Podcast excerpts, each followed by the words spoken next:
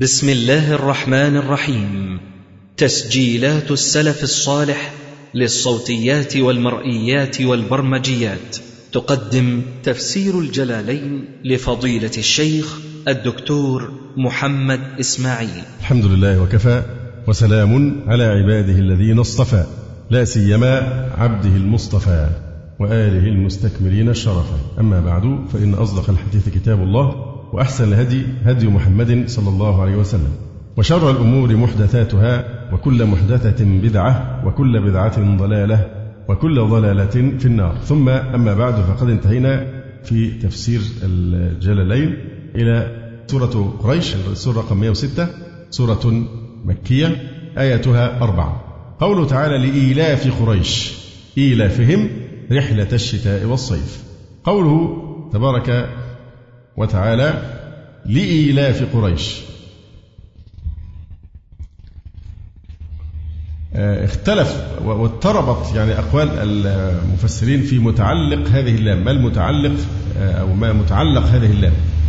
كلمة لإيلاف قريش متعلقة بإيه؟ اختلفوا.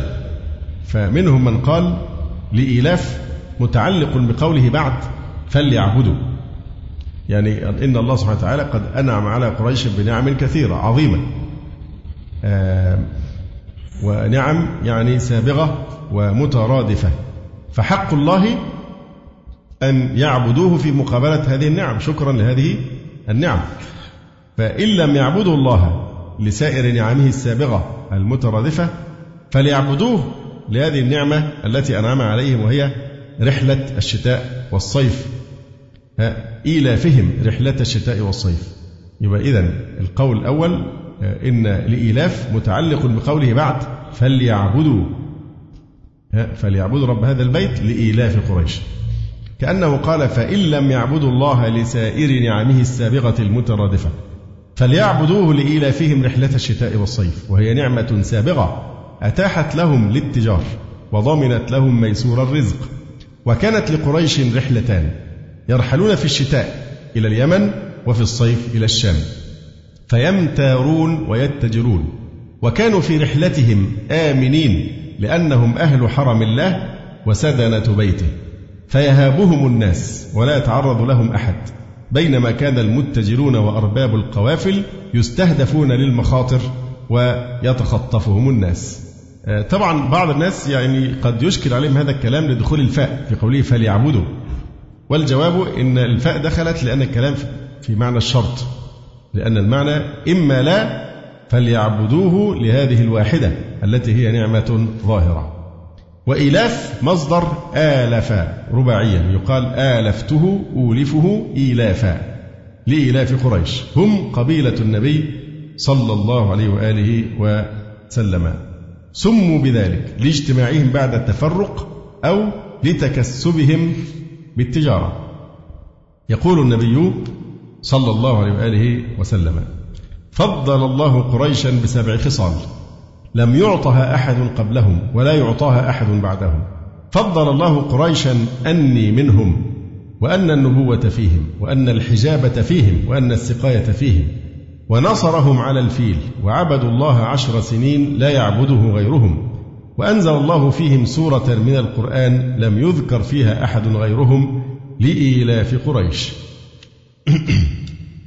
طبعا هي تسمى سورة قريش وسورة لإيلاف وسورة لإيلاف آه، قريش.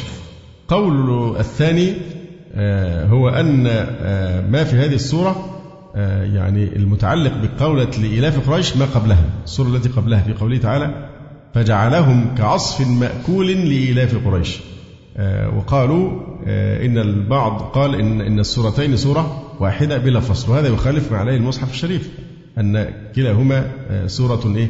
مستقلة. فهذا يرده الإجماع على أنهما سورتان منفصلتان. بعضهم قال المقصود اعجبوا لإلاف قريش إلافهم رحلة الشتاء والصيف. بعضهم قال فجعلهم كعصف مأكول لإلاف قريش كما ذكرنا. أي أهلك الله أصحاب الفيل لتبقى قريش وما قد ألفوا ما اعتادوه من رحلة الشتاء والصيف أو ألم ترى كيف فعل ربك بأصحاب الفيل؟ إلى قوله لإيلاف قريش كأنه تعالى قال كل ما فعلناه بهم فقد فعلناه لإيلاف قريش.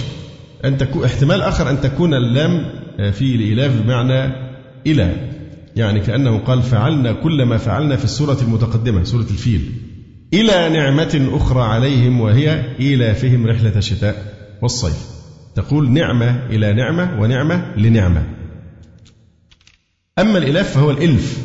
الإلف والاجتماع مع الالتئام. ألفت الشيء لازمته وتعودته فإلاف قريش آه، إلفهم الخروج إلى الشام في تجارتهم كما ذكرنا.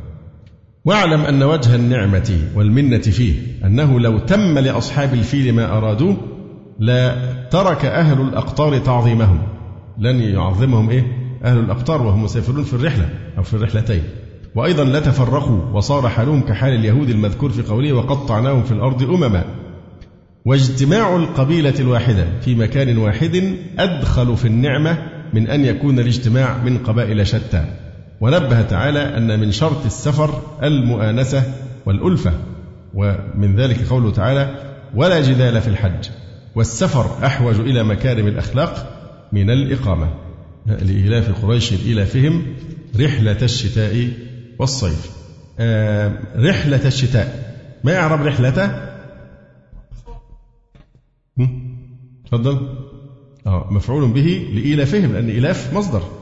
يعني إيلافهم رحلة الشتاء رحلة الشتاء والصيف يعني ورحلة الصيف ورحلة الصيف إلى الشام في كل عام. يستعينون بالرحلتين للتجارة على المقام بمكة لخدمة البيت الذي هو فخرهم وهم ولد النضر بن كنانة. أما غير ولد النضر فليسوا من قريش. هذا ما عليه الأكثرون.